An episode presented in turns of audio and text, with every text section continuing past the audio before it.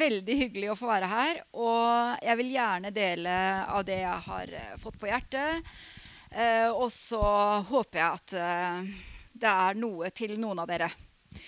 Eh, og så kan det jo hende at jeg sier en masse ting som ikke treffer deg, men så kan det jo være at det er noe som treffer deg, og så er det kanskje noe som du skal ta med deg videre, og som du skal bruke, eller som Gud kan bruke i deg.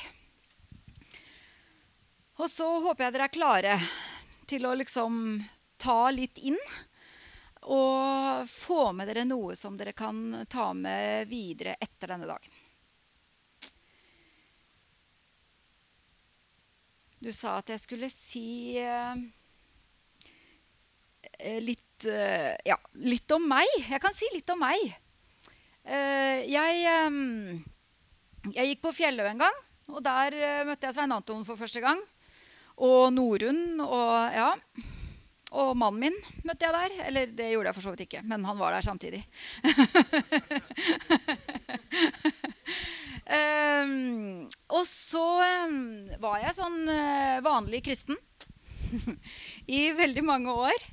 Uh, jeg så ikke på meg sjøl som uh, en sånn der allmennreligiøs som trodde at det var en gud der ute. Jeg, jeg trodde på Jesus, og han var min frelser, og han hadde jeg et forhold til. Og skjønte veldig godt dette som handla om at Eller når folk snakka om at kristendom det er ikke en religion, det er en relasjon. ikke sant? Og jeg tenkte ja, det er sant. Uten å ha skjønt noe som helst, tenker jeg nå i ettertid. Um, så jeg, tenker, jeg, jeg hadde kanskje en åndelig opplevelse en gang tidlig i 20-åra. Jeg hadde en åndelig opplevelse da. Og den kom jeg på kanskje 20 år etterpå. Så kom jeg på det at ah, det var jo faktisk en ganske sterk åndelig opplevelse. Da satt jeg på en ungdomsleir en nyttårsaften. Jeg var leder på den leiren. Jeg hadde begynt å jobbe som barne- og ungdomsarbeider i Misjonssambandet i Hedmark. Uh, der jeg jobba fra jeg var 20 til jeg var rundt 25-28 år. eller noe sånt. Og så satt jeg på denne leiren, og så så vi en film som het 'Bambus om vinteren'. Og den filmen den gjorde så sterkt inntrykk. Den handla om eh, kristendomsforfølgelse i Kina, og hvordan mennesker eh, virkelig ble forfulgt for sin tro, og hvordan, eh, hvordan, de kjempa i det, og hvordan de sto i det. Og, jeg, eh, og når den filmen var ferdig, så var jeg så full av inntrykk. Så sa jeg til Jesus, der jeg satt alene en, eller altså inni meg nede i benkeraden der, så sa jeg, kjære Jesus, jeg vil aldri forlate deg, uansett hvor tøft det måtte være. Og akkurat idet jeg hadde sagt det, så, så ble jeg liksom fylt av en sånn glede som, som, overgikk alt jeg hadde opplevd før. Og jeg skjønte på en måte at dette var en åndelig opplevelse.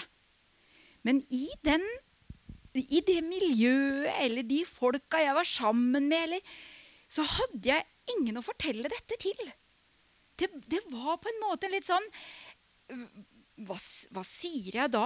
Og, og, hvordan møter de det? Og hva, dette er jo, sånt er jo ikke noe vi snakker om, på en måte. Det, det, var opplevelsen min. Og så kom jeg på dette igjen 20 år etter, når jeg igjen fikk et nytt møte med Gud. Um, jeg, jeg, jeg, har undra meg mange ganger gjennom mitt uh, voksne liv. så har jeg undret meg over jeg, Vi har kristne venner, vi har venner som går i, i menigheter. Vi, vi, er sammen, vi har en bibelgruppe. Til og med i den bibelgruppa så var det litt sånn når vi snakka om noe som var vanskelig, noe som var utfordrende, noe som vi liksom ah, men, men, hva med dette? Men, men kan vi ikke be, da? Gud vet. Gud har, Gud, Gud har, løsning. Gud har veien for oss. Gud, Gud, har oversikt over dette. Kan vi ikke be, da? Og så blir det møtt med en litt sånn mm, Jo, jo mm, vi, vi, vi ber jo, liksom. Og så stopper det litt der. Vi snakker jo mye mer om å be enn vi faktisk ber. Og vi tenker kanskje enda mye mer på å be enn vi faktisk ber. Og så i dette så ble jeg til slutt så desperat. Jeg lengta sånn etter en forandring i livet. Jeg syns ikke vi fikk til noen ting. Jeg var gift, vi hadde to barn. Eh, jeg hadde få problemer, bortsett fra at jeg kjeda meg. Eh, jeg var ikke jeg, var ikke eh, Jeg hadde liksom ikke Hva skal jeg si jeg syns liksom ikke vi fikk helt til. Ikke fikk jeg familien min med på noe Ikke syns jeg vi fikk til barneoppdragelse. Ikke fikk jeg Jeg vet ikke, jeg syns ekteskap egentlig var litt kjedelig, for å være helt ærlig.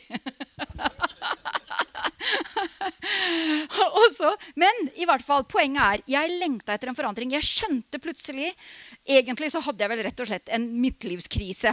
Og jeg syns ikke krise er et uh, for sterkt ord.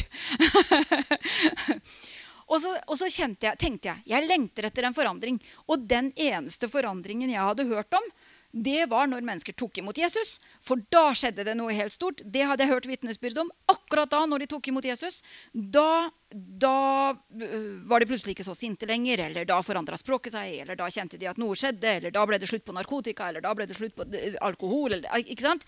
Dette som var litt sånn der, i de svære forandringene i livet. Så tenkte jeg, her går jeg, og alt er på en måte bra. Og så lengter jeg etter en forandring. Og så, og så skjønner jeg ikke at det, eh, at det, kan gjelde meg. Hvordan i alle dager kan det gjelde meg? Jeg som tok imot Jesus for 20 år siden, kanskje. Og så øh, Ja. Gikk tida litt. Og så, etter, så var det mange ting som skjedde.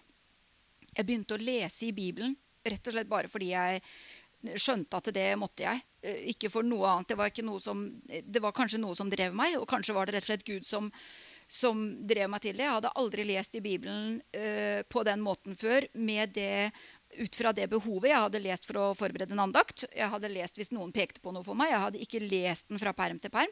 Nå bestemte jeg meg for at jeg bare skulle lese den fra perm til perm. Og jeg bestemte meg for å lese enten jeg syntes det var spennende eller ikke, enten jeg huska det jeg hadde lest eller ikke, enten jeg på en måte fikk noe ut av det eller ikke. Jeg skulle bare lese. Og om tankene fløy, så lot jeg det bare være. Og så leste jeg bare likevel ett kapittel hver dag. Og når jeg hadde kommet til den siste kapittelet i Johannes' åpenbaring, så eh, var jeg så sulten. Jeg kjente en sånn fysisk sult og var helt desperat. Og tenkte 'hjelp, hva gjør jeg nå?'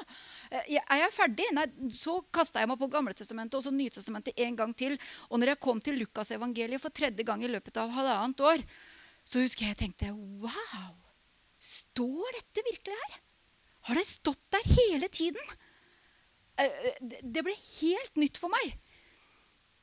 Og det var så utfordrende. Det var sånn derre eh, Det er virkelig synd å bekymre seg. Eh, Jesus sier at, kommer, at, det, at, det, er større gjerninger enn de som fulgte han, som skal følge oss. Og, og hva er det vi egentlig gjør? Hva er, hva er, det vi driver med? Later vi som vi er kristne? Leker vi kristendom? Og så nå, det, det, jeg forteller nå, er sånn der 2012, 2013, også i 2014. Og nå har vi akkurat kjøpt et nytt hus på Hamar. I 2011 så kjøpte vi eh, menigheten, som etter hvert ble til menighet i Misjonssambandet. Så kjøpte de en, en, nedlagt videregående skole. Og så skulle det bli det nye menighetslokalet, og det ble ny gjenbruksbutikk. Og det Velkommen etter til dere!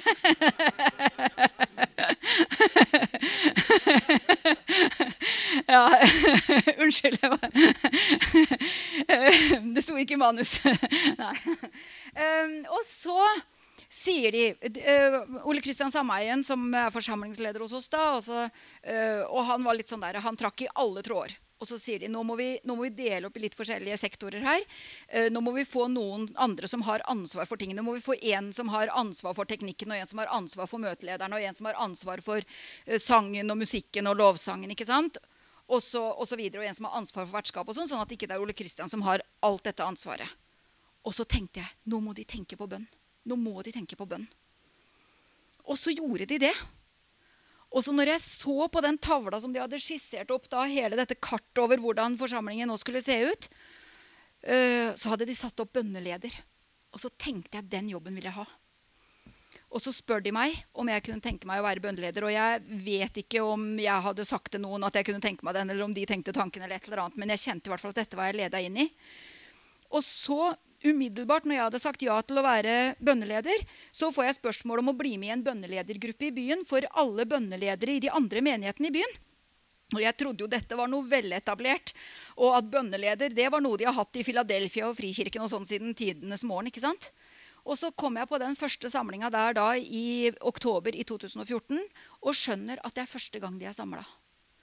Og så forteller de at de hadde spurt NLM etter bønnelederen og sagt at vi har ikke noen bønneleder. Og så mm, inviterte de til det første møtet, og der var jeg som, som NLM sin første bønneleder. Og så ble jeg valgt inn i denne gruppa med pinsevenner og eh, livets ordmennesker og i det hele tatt. Som den eneste eh, Nei, jeg var ikke den eneste lutheraneren. Eh, det var folk fra Frikirken der også. Men jeg følte meg veldig som den eneste av et eller annet. og jeg satt et helt år på de møtene, og jeg tror ikke jeg sa noe. Jeg var bare undrende og lytta og lærte og sugde til meg alt de hadde å komme med av sine erfaringer med bønn. Og så sier de, 'Har dere vært på kjedelige bønnemøter noen gang?' Ja, tenkte jeg, det, kan man innrømme det? Er, det? er det noe man sier? Hvorfor er bønn kjedelig? Hvorfor er det få som engasjerer seg i bønn? Hvorfor, hvorfor syns vi at bønn er kjedelig? Jo, det skal jeg fortelle. Eh, jeg har vært på noen bønnemøter som er litt sånn, det går litt på rundgang å finne et eller annet. Vi må jo ha noe å innlede med. Eh, så da eh, Nå karikerer jeg. Jeg setter det litt på spissen. Nå er det bra at ikke jeg kjenner dere, for jeg aner ikke om det er noen som kjenner akkurat sånn. og så har de grepet med seg da, når de kommer til bønnemøtet, så har de grepet med seg en andaktsbok, og så ser de ja, i dag er det 31. oktober, vi slår opp og ser, og så leser vi bare den andakten, og så tar vi og ber. Og så går det runden. Vi er kanskje fire stykker. Vi har satt av en halvtime til dette bønnemøtet.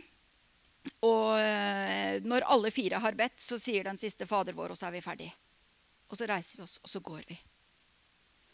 Hvis du kommer til legen, og så har du fått time hos legen, han har satt av tid til deg, Uh, og så forteller du om alt som er vanskelig, og hva som er vondt, og hvor det er vondt, og hva som er problemet, og hvordan sånn, og hvordan sånn, og du vet ikke helt hva som er uh, Og så akkurat idet du er ferdig, så reiser du deg opp og går. Hva tror du? Legen er kanskje litt undrende da. Er du ikke interessert i hva han har å si, liksom? Uh, det som motiverer til bønn, det som gjør at det blir interessant, det er jo når du begynner å legge merke til hva Gud faktisk gjør. Når du begynner å se bønnesvara, og når du setter deg ned og lytter. Og da er det kanskje på tide å gå litt videre fra innledningen og så snakke litt om um, å bli i meg. Hva skal jeg gjøre der, da? Sånn.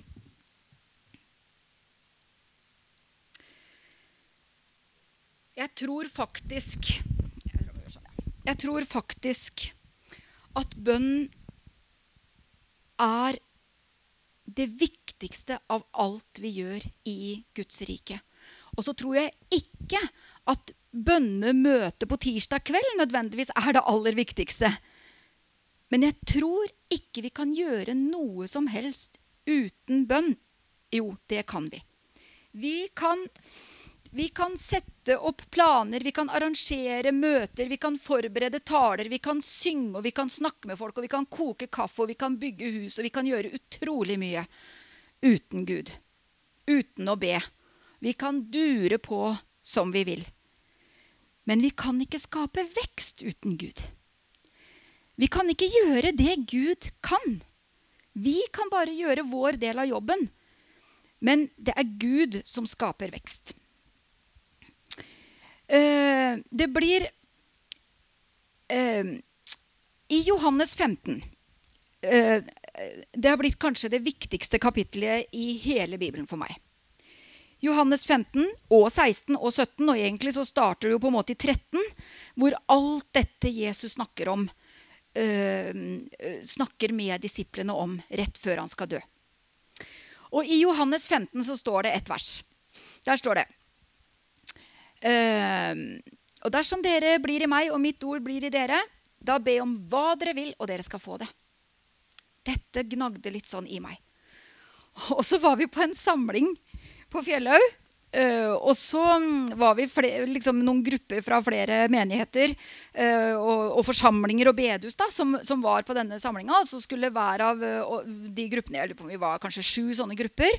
Og så var hver gruppe framme og snakka og fortalte fra sin, sin sammenheng. Og så skulle vi andre fram og be for dem. Og så sier han som leda så sier han at hvis det er noen av dere som får et bibelvers eller et ord eller noe til dem, så kan dere jo dele det. Så når vi hadde bedt, så var det en eller to som hadde fått en sånn. Og så når en av de eh, gruppene var framme, og vi andre sto der og ba, så, jeg, så kom jeg på dette bibelverset. Dersom dere blir i meg, og mitt ord blir i dere, da be om hva dere vil, og dere skal få det. Og så kommer det litt sånn der spontant fra en annen plass i salen. Så liksom, Åh, det er jammen godt det står i Bibelen! For det var litt sånn Dette er jo litt for mye, på en måte. Dette er jo litt, dette er jo litt for svært. Og så, og så ser jeg Ja, men det er en forutsetning her.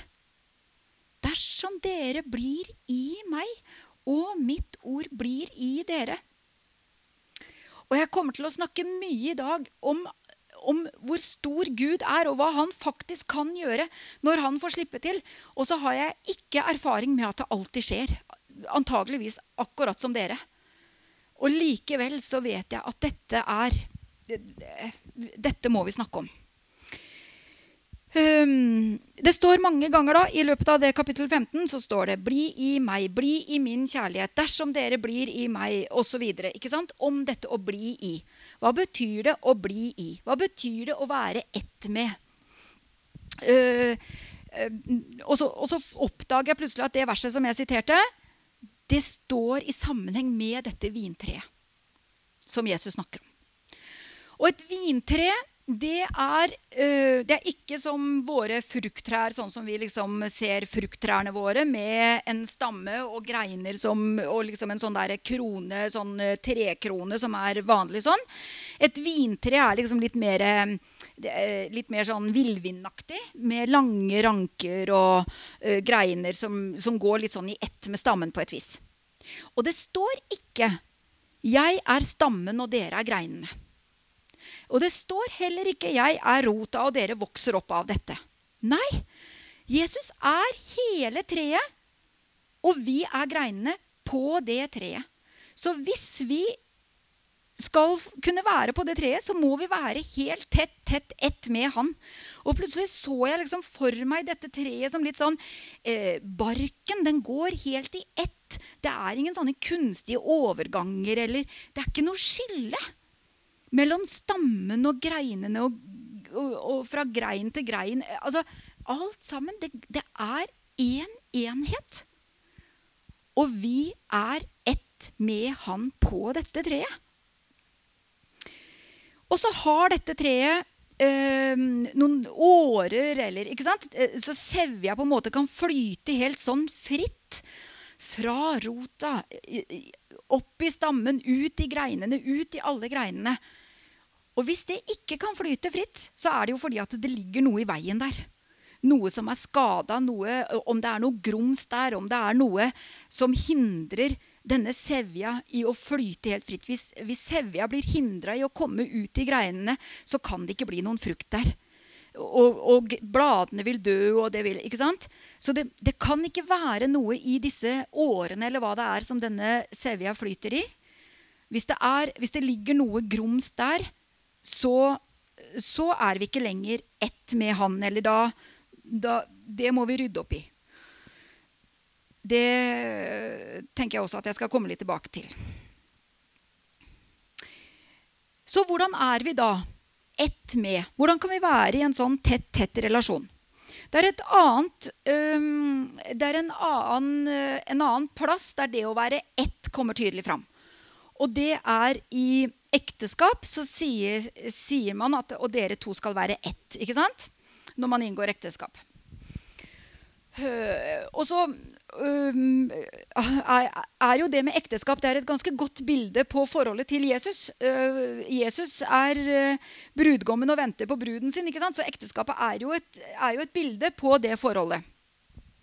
Og det å være sånn eh, tett, tett sammen og ett med, det er absolutt et bilde på å leve i et tett forhold med Gud. Um, Eh, men hvis du har en venn, hvis du har en, en veldig god venn eller venninne, så er du jo ikke fornøyd med å uh, høre om vedkommende. Eller lese om vedkommende. Du er ikke fornøyd med å høre noen andre fortelle interessante historier. Dette blir akkurat som med hun kvinna ved brønnen. Når Jesus møter henne, den samaritanske kvinna. ikke sant?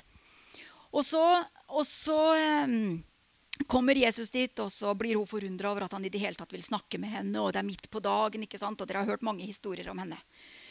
Uh, og så, etterpå, så blir hun begeistra over å ha møtt han som ser henne, og som så alt ved henne, på godt og vondt. Og hun blir så glad for å ha blitt sett av han at hun løper inn i byen og forteller.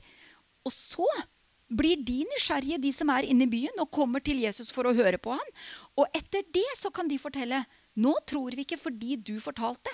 Nå tror vi, tror vi fordi vi, vi, har møtt han sjøl. Ikke sant? Sånn at det, vi må møte han sjøl. Da jeg eh, etter langt om lenge, da, som ikke var på Fjellhaug, men etter enda en god stund, skjønte at, eh, at eh, han som skulle bli mannen min, han kunne være en bra mann å ha, så ble vi etter hvert sammen, og så Da brukte vi utrolig mye tid sammen. Og vi var så kreative på å klare å finne tid. Og det var før jobb og etter jobb og etter andre avtaler og innimellom. Og når vi gikk fra hverandre en kveld, så visste vi når vi skulle se hverandre neste gang. Ikke sant? Vi ville ikke ha den der usikkerheten på det, og vi visste at, at vi ville være sammen. Når jeg øh, begynte å være sammen med han, så var det ikke for å oppnå noe spesielt eller for å få en bestemt status. Ikke sant? Det var bare fordi han var han. Um, og fordi om jeg ønska meg eller kunne tenke Ja, vi kunne jo ønske oss et, et hjem og en familie og et, kanskje et hus en eller annen gang. Og, men det var ikke drømmen om å få et hus en gang som gjorde at jeg valgte han. Jeg valgte jo han fordi han er han. Og, og, nå i ettertid da, så har vi aldri tenkt at å, den perioden der, da brukte vi for mye tid sammen. Det har vi jo aldri tenkt. Ikke sant? Men du verden hvor mange ganger jeg har tenkt å ja, i kveld skal jeg sette meg ned og be. ja. Nå må jeg vel kunne ta et kvarter med Gud. Ikke sant? Og så glemmer jeg det, og så kommer det noe annet i veien. også. og så, og så skjønner jeg at denne tette, dette avhengighetsforholdet, dette Å, Gud, jeg vil bare være sammen med deg, bare fordi du er du. Der var jeg ikke. Men det skjedde noe, og så, og så, er, og så snakker jeg ikke om dette. Jeg snakker ikke om noe av dette for å si noe som helst om meg sjøl, men om han som har Som fyller meg fullt og helt, som har all makt. Ja. Um, og så har du sikkert prøvd. Og så du, tenker du at du skal sette deg ned og be, og så flyr tankene. Og så kommer jeg på den vaska jeg skal sette på. Og det er så kjedelig. Og kan jeg ikke bare gjøre det nå, da? Og så kan jeg, og så, For den vaskemaskinen, den går jo. Og så kan, å, kan jeg kanskje bare stikke og gjøre det nå? Og så, og så kommer jeg og ber etterpå. Eller kanskje jeg kan Å, jeg må ikke glemme det jeg skulle gjøre. Nei, nå gjør jeg det bare, sånn at, sånn at jeg ikke glemmer det. Og når jeg er ferdig med alt sammen, da kan jeg sette meg ned og så kan jeg bare slappe av, for da er jeg jo ferdig med alt. Jeg blir jo aldri ferdig med alt. Sorry, altså, men Så da Nei, kanskje jeg bare skal ta Gud først, faktisk. Så de beste stundene, det er de jeg bestemmer meg for. At nå setter jeg av en halvtime. Nå skal jeg sette på klokka. Så setter jeg klokka på en eller annen alarm på eh, den tida jeg tenker at jeg har. Gjerne 30 minutter. Og så, og så legger jeg bort telefonen. Og så er jeg bare stille. Ja, kanskje setter jeg på en lovsang. Og så lar jeg den bli en del av bønnen, og så sier jeg Gud, ah, dette var godt formulert. Dette var veldig bra sagt. Dette, ta det som det er fra meg, Gud. Dette vil jeg si til deg. Ja, og så og så uh, ber jeg noe som jeg kommer på, og så ber jeg Gud om å minne meg på å be. Og så er jeg bare stille. Og så, øh, når jeg bare um, er stille, så kommer jo tankene. Og så tenkte jeg ah, men der så du Gud. Dette er jeg litt opptatt av nå. Har du noen tanker inni det? Så blir det en del av bønnen. Jeg blir ikke stressa. Før så kunne jeg bli så stressa av at det, For da ble det sånn Å nei, nå klarte jeg ikke å konsentrere meg om deg, Gud. Men Gud er jo der, midt i det. Så istedenfor å bli stressa av at jeg ikke tenkte på Gud, så det, så gir jeg Gud de tankene, og så sier jeg, Gud, kan du gå midt inn i det også? Nå så du at jeg tenkte på barna mine. Nå så du at jeg tenkte på jeg tenkte på eh, et eller annet på jobb eller noe i menigheten. eller, ikke sant? Gud, har du noen tanker om det? Kan du vise meg? Kan du lede meg? Kan du gi meg dine ideer? Og så blir det en del av bønnen.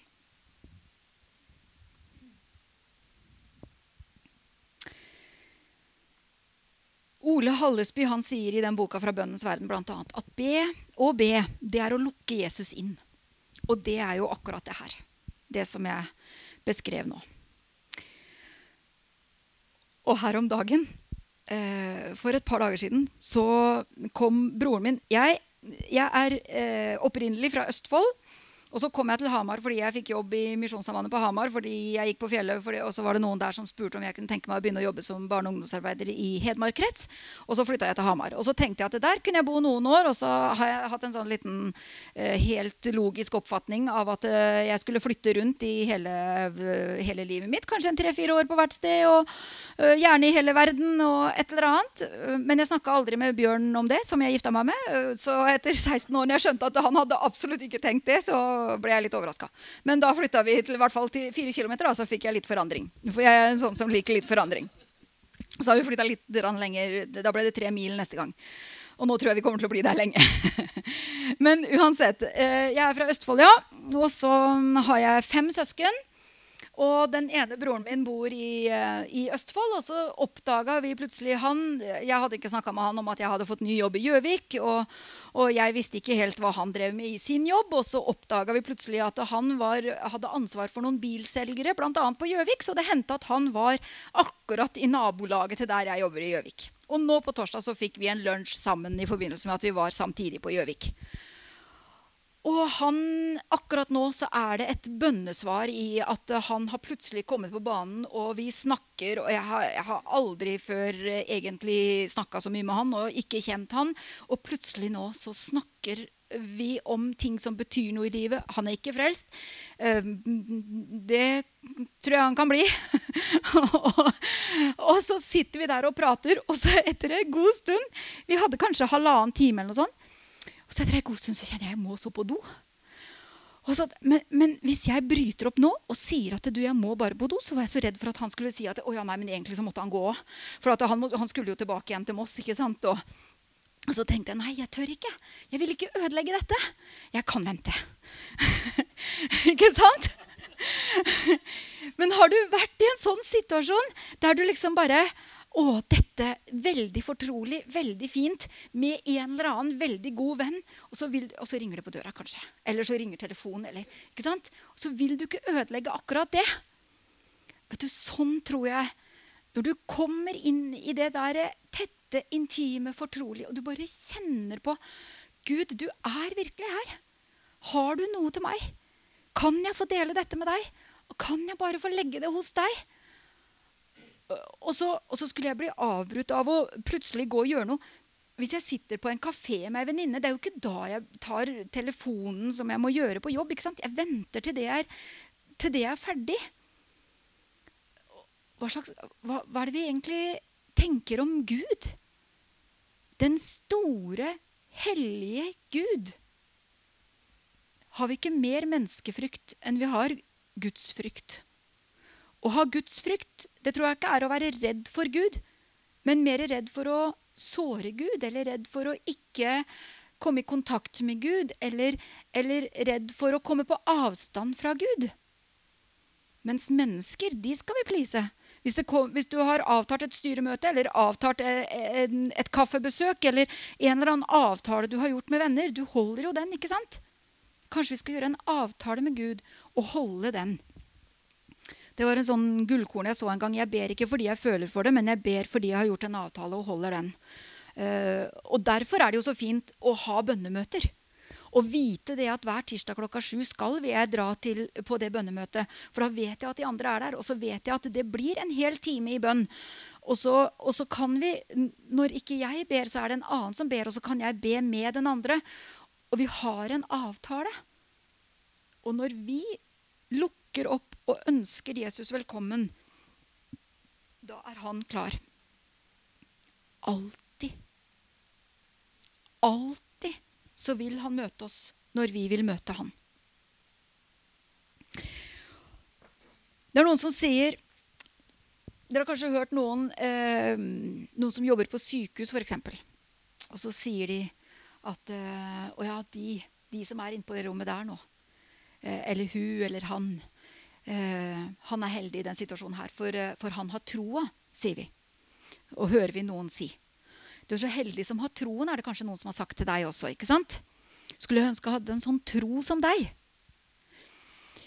Men eh, da kunne vi like gjerne sagt at eh, du er heldig som har kjærligheten. Eller du Ikke sant? Du, eh, men, men, hvis noen sier til meg da, om meg og min mann at uh, ja, det, dere er jo så heldige som har kjærligheten, dere. Jeg er, ikke, jeg er, jo ikke, heldig som har kjærligheten, jeg er heldig som har Bjørn. Og mellom oss har det oppstått en kjærlighet. Jeg er heldig som har Gud. Jeg er heldig, jeg er utrolig heldig, som kjenner Gud. At noen har vist meg veien til han, og at jeg har kunnet gå til han og finne han og oppdage han og få møte han og være sammen med han. Fordi det er Gud som er Gud, og imellom meg og han så oppstår troen. Og så oppstår kjærligheten. Så disse som er der på, på, den, uh, på, på sykehuset og, og kjenner på dette, de er heldige som har Gud midt i den situasjonen. Og så er det selvfølgelig sånn, kan, Dette er jo sikkert noe man kan kverulere og diskutere på. For uh, å ha Gud, det betyr jo å tro. Det betyr å tro på han og tro at han finnes. Uh, men han har jeg, og han er jeg fylt av. Og hva betyr det? Nå, nå, er jo planen i dag at jeg skal dele opp dette her til uh, å bli i meg. Og om dette å være i den relasjonen og så er det om det med forbønn. Og så er det om å ha forventning til uh, og, og, tro på og hva som skjer når vi ber. Og det kan jo være at noe av dette går litt sånn uh, litt i hverandre. Vi får se litt hva jeg, hva jeg får til, osv. Men uh,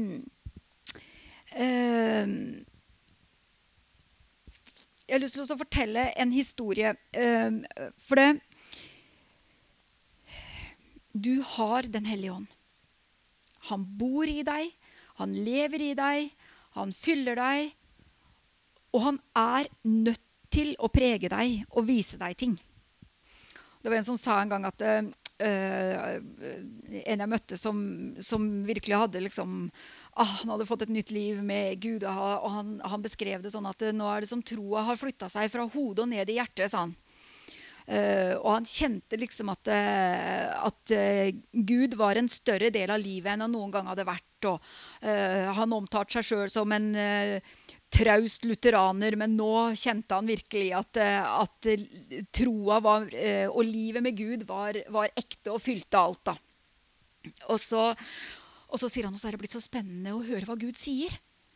Men han snakker jo så lavt, sier han. Så jeg må høre så innmari godt etter. Og det er jo nettopp det.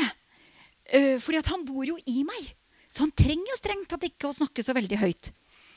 Uh, det, er en uh, sånn vandrehistorie tror jeg, med to venninner som gikk sammen på gata i New York. Og Jeg har aldri vært i New York, men jeg kan jo se for meg denne svære byen med veldig mye biler og veldig mye mennesker og veldig mye lyd. At det, at det da blir liksom mye lyd og mye å følge med på når man går på gata i New York. Også disse to venninnene. Hun ene var en indianerjente, og hun andre var eh, en hvit amerikaner. da. Og så gikk de sammen på veien, og så plutselig så sier denne indianerdama Oi, hører du gresshoppa? Gresshoppe, sier hun. Hvordan i alle dager kan du høre en gresshoppe her? Jo, jeg hører den, sier hun. Nei, hun kunne ikke høre noen gresshoppe. Så gikk hun bort til en, langs med fortauet og butikkvinduene der, så sto det en sånn svær plante i en gedigen krukke. Så løfta hun på et blad, og så var det ei gresshoppe der.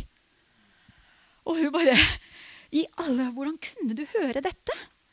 Det kommer an på hva du lytter etter, sier hun. Og så hadde hun mynter i lomma, og så slapp hun myntene på fortauet. Og så var det ti mennesker rundt dem som bare snudde seg. Der kan du se, så. Det kommer litt an på hva man hører etter. Ikke sant? Hvis vi er litt vare, og hvis vi virkelig er interessert, og hvis vi virkelig lurer på hva Gud vil Og dette kan vi utvikle. I Hebreerne 5 så står det om eh, På slutten av Hebreerne 5, fra vers 12 ca. Og så leser dere eh, fra vers 12 og ut kapittel 5. Og så er det ikke noen ny overskrift eller nytt avsnitt eller noen ting over i kapittel 6. Og så går det kanskje til 6, 2 eller 3 eller noe sånt. Der står det om det å være moden, om det å få fast føde. Og, men dere trenger melk når dere er barn. Uh, og så Uh, og så står det uh, helt på slutten av kapittel 5 og denne faste føden, da, så står det at dette er for dere som har øvd opp sansene deres til å forstå forskjell på godt og vondt. Dere som har øvd opp sansene deres. Um, jeg tror at vi kan øve um, Og så og så er det, det, er så mange, det, er så, det, er så, mange, innvendinger og motargumenter mot å snakke på den måten her. I hvert fall møter jeg det. Uh, og så kan noen si litt sånn derre uh, ja, ja, vi kan vokse og vokse, vi kan modnes, men vi kan jo aldri bli fullkomne. Nei. Du har vel ikke slutta å oppdra barna dine heller fordi at du vet at de ikke blir fullkomne mennesker. Vi, vi, vi oppdrar jo barna likevel. Vi, vi vokser allikevel. Vi modnes allikevel. Uh, så det å øve opp sansene, øve opp til å, til å forstå at den tanken jeg får, eller denne innskytelsen, eller, eller det, eh, det, som jeg liksom kjenner meg litt sånn leda inn i, til å forstå at det er Gud. Han som snakker så innmari lavt.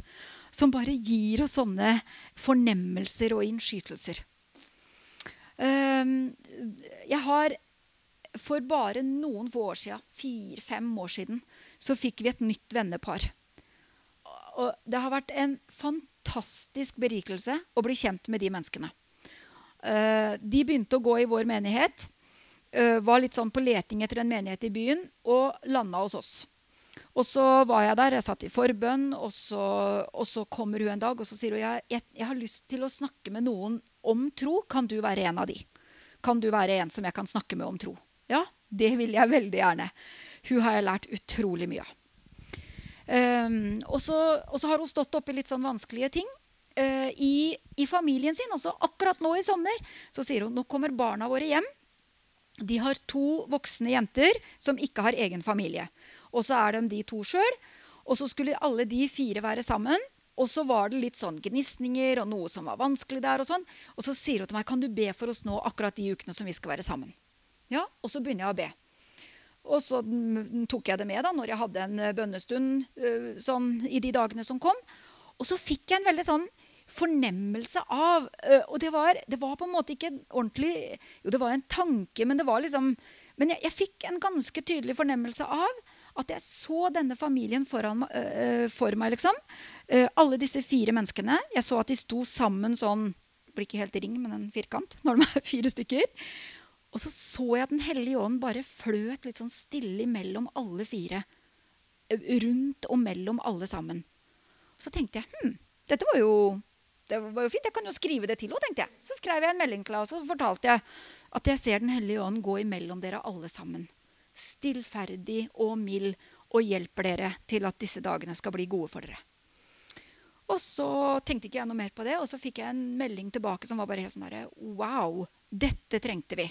Så tenkte jeg å ja.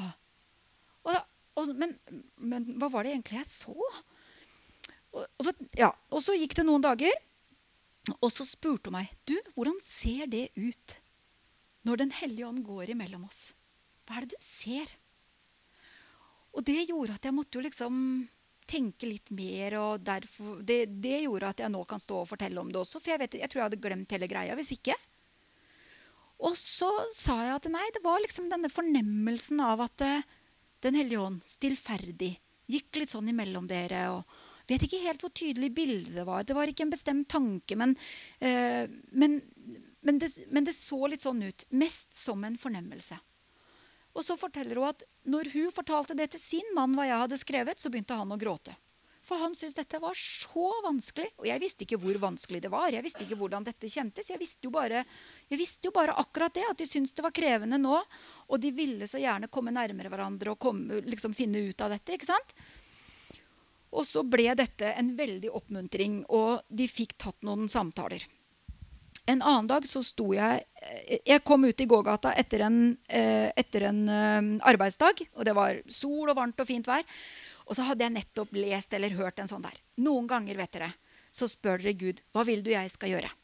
Kanskje dere har gjort det mange ganger til og med. Kanskje, kanskje daglig. Hva skal jeg gjøre i dag, Gud? Hvis du isteden snur på det, og så spør du Gud, hva er det du driver med? Kan jeg få være med på noe av det? Er det noe av det du vil at jeg skal gå inn i? Hva er det du driver med nå? For Gud driver helt sikkert med noe. Så var det en dag som jeg kom ut i gågata, og så møter jeg ei dame som jeg kjenner, og som Vi har en litt sånn relasjon. Hun er ikke kristen. Øh, hun har øh, ja, litt sånn utfordrende familieliv, og sånn som så mange har. barn med et par forskjellige fedre og litt, litt, mye greier som skjer. ikke sant? Og så blir vi stående og prate litt. Men hun hun og jeg har en litt sånn mm, relasjon veldig perifer, men vi har snakka om Jesus før. For å si uh, bare sånn. Ja, Ha det som et lite bakteppe. Og så møter jeg hun, og det er lenge siden jeg har sett henne. Uh, og så liksom bare Hei! Å, er det deg, liksom? Og hvordan står det til? Og så kommer det en lang historie, og hun prater og prater og prater, og jeg lytter. Og det går kanskje nesten en halvtime før jeg plutselig kommer på Gud, hva er det du driver med nå? For hvorfor i alle dager skal jeg få den historien?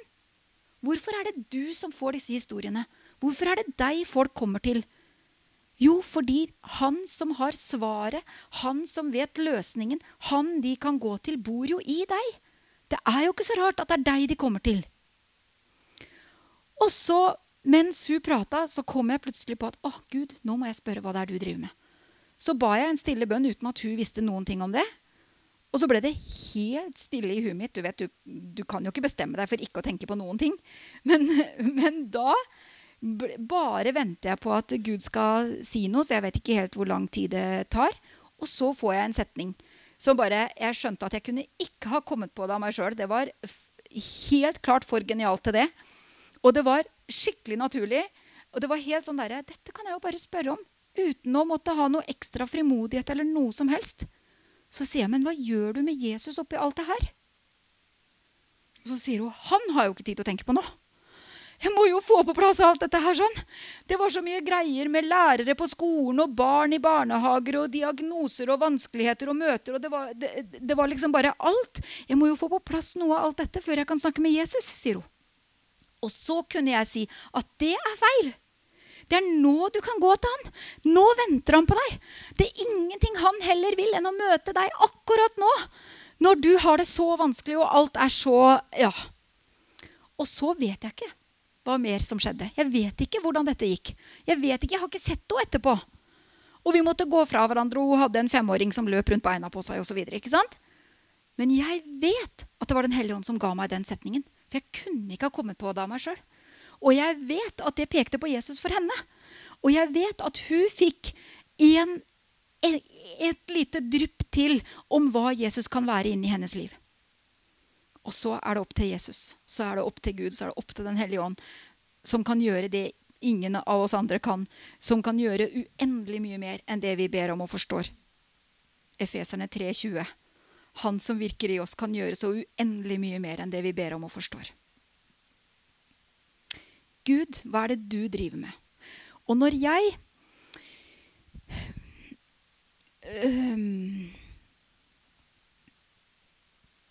Når jeg bruker tid med Gud Det står jo at uh, hvis du ber etter Guds vilje, så skal du få det du ber om. Hvis du ber etter når to eller tre, uh, Det som to eller tre av dere blir enige om å be om, det skal dere få. Uh, Gud hører alle bønner, alle rop. Um, da, da uh, Gud kalte Moses til å lede israelsfolket ut fra Egypt, så hadde Gud allerede en plan. Han hadde hørt deres rop. Han hadde sett deres nød. Uh, rett før Fader vår, i Matteus 6, så står det uh, Han som hører og vet hva dere trenger før du ber han om det. Så hvorfor i alle dager? Ikke sant? Men når vi, når vi lever tett, tett med Gud, så blir vi også kjent med noe av det som er hans vilje. Og så kan vi be og lytte og gå inn i akkurat det som er hans vilje. Og Josef Hva var det Nei, eh, nei unnskyld. Eh, Daniel. Daniel fikk en profeti. Uh, han så at de skulle bli fri fra fangenskapet. Han var jo i fangenskap sjøl. Uh, og, og, så fikk han en profeti, og så så han at de skulle bli fri fra dette fangenskapet. Ah, Et løfte fra Gud. Og hva gjør han da? Da kler han seg i strie og går, begynner å faste og trygler Gud om at det han har fått en profeti om, skal skje. Da begynner han å be. Og så tror jeg at det veldig lett Alt dette som jeg snakker om nå, tror jeg kan være, bli veldig sånn Skal vi se Der er klokka elleve. Uh, ja, litt til. Uh, så tror jeg at um, at det kan føles som litt sånn der, uh, strevsomt noen ganger. Å, nå må vi be. Og så blir det liksom det vi strever med. Og så blir det på en måte gjerningen eller jobben. Eller Og så, når Jesus sier 'Kom til meg, alle dere som strever og har tungt å bære', så lurer jeg på om det noen ganger handler om at eh, når vi strever med noe i bønn, så kan vi legge det hos Jesus, og så skal vi få hvile i at han tar det. Vi skal få hvile i at det, ah, nå skal det skje det jeg har bedt om. Og så skjer det kanskje ikke akkurat sånn vi har bedt om. Det har vi jo så lett for. Vi har veldig lett for å tenke at det som har skjedd en gang før, det skal skje på samme måte. Og så er det nesten så vi liksom tenker at uh, hvis ikke det skjer på den måten, så er det vel ikke helt riktig eller helt sunt eller helt fra Gud eller et eller annet. ikke sant? Um, fordi at sånn har vi opplevd det, og sånn var det noen som sa. Uh, men Gud har det med å gjøre ting så forskjellig fra gang til gang. Han har det med å overraske. Han har det virkelig med å overraske. Um, og så og så kan vi be han om det, vi kan si hva som ligger på hjertet, og så skal vi få hvile i det. Og være der. Og tro og forstå at han tar det. Han er midt i det. Han som har all makt i himmel og på jord. Å være i en relasjon, å være bestevenn med, å være den du eh, er aller mest fortrolig med, og så få noen av disse Og så være der at du kan lytte og få noen av disse tankene, noe av det han har på hjertet, noen av de ideene Jeg tror han prøver å få kontakt med oss hele tida, hver dag.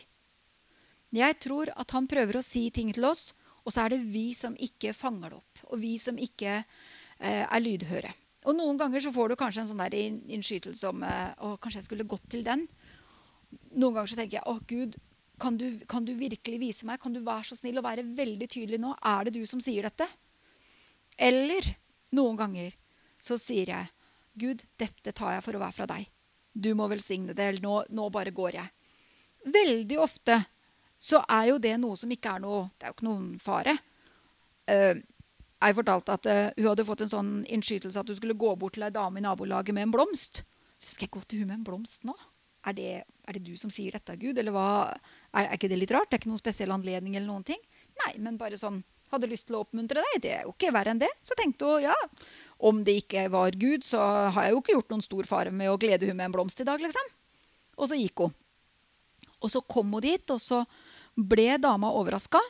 Og så ble hun invitert inn, og så forteller den dama Vet du, akkurat nå så sa jeg til Gud at uh, For hun hadde stått oppe i et prosjekt, og, liksom, og hun, hadde, hun, hadde, gitt så mye inn i dette prosjektet, og nå var dette over. Og hun syntes hun hadde virkelig eh, gjort en stor innsats, og så syntes hun ikke at hun ble sett. Hun syntes ikke at det ble verdsatt, det hun hadde gjort.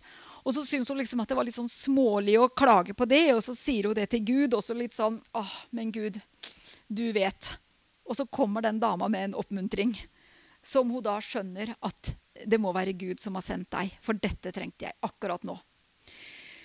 Så å tørre å gå på det, tørre å ta denne innskytelsen, som du kan få fordi du lever tett med, og fordi han bor i deg. Jeg har et eh, dikt som jeg skal lese til slutt før vi tar pause. Eh, skal vi se Jeg tror jeg finner det her akkurat nå. Dette som jeg snakker om nå, det å være i uh, Gud, det å leve i den tette relasjonen, det gjør at helliggjørelse kan bli virkelig i livet ditt. Det gjør at du kan vokse og modnes og bli mer og mer og mer lik Gud. Dette diktet heter 'I Kristus og Kristus i deg'. Å være i Kristus, det er forløsning. Men at Kristus får være i deg, det er helliggjørelse. Å være i Kristus, det gjør deg skikka for himmelen. Men at Kristus får være i deg, det gjør deg skikka for denne verden. Å være i Kristus endrer ditt bestemmelsessted. Men at Kristus får være i deg, forandrer din målsetting. Det ene gjør himmelen til ditt hjem, men det andre gjør denne verden til hans verste.